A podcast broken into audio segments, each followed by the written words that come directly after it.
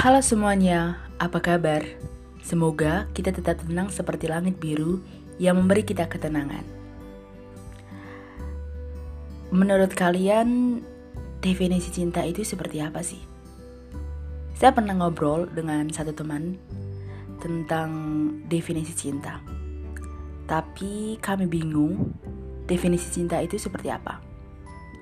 Sampai akhirnya saya sadar kalau ternyata cinta itu berurusan dengan hati. Akhir-akhir ini juga saya selalu bertanya pada diri sendiri. Apakah cinta itu benar-benar ada? Sampai di suatu titik, saya percaya kalau cinta itu benar-benar ada selama saya bisa merasakan jatuh cinta pada diri sendiri selama saya sedang tahu kalau saya sudah jatuh cinta dengan diri sendiri.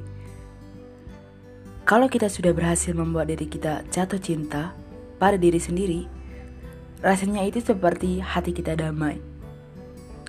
Menurut saya, cinta sejati itu adalah jatuh cinta pada diri sendiri.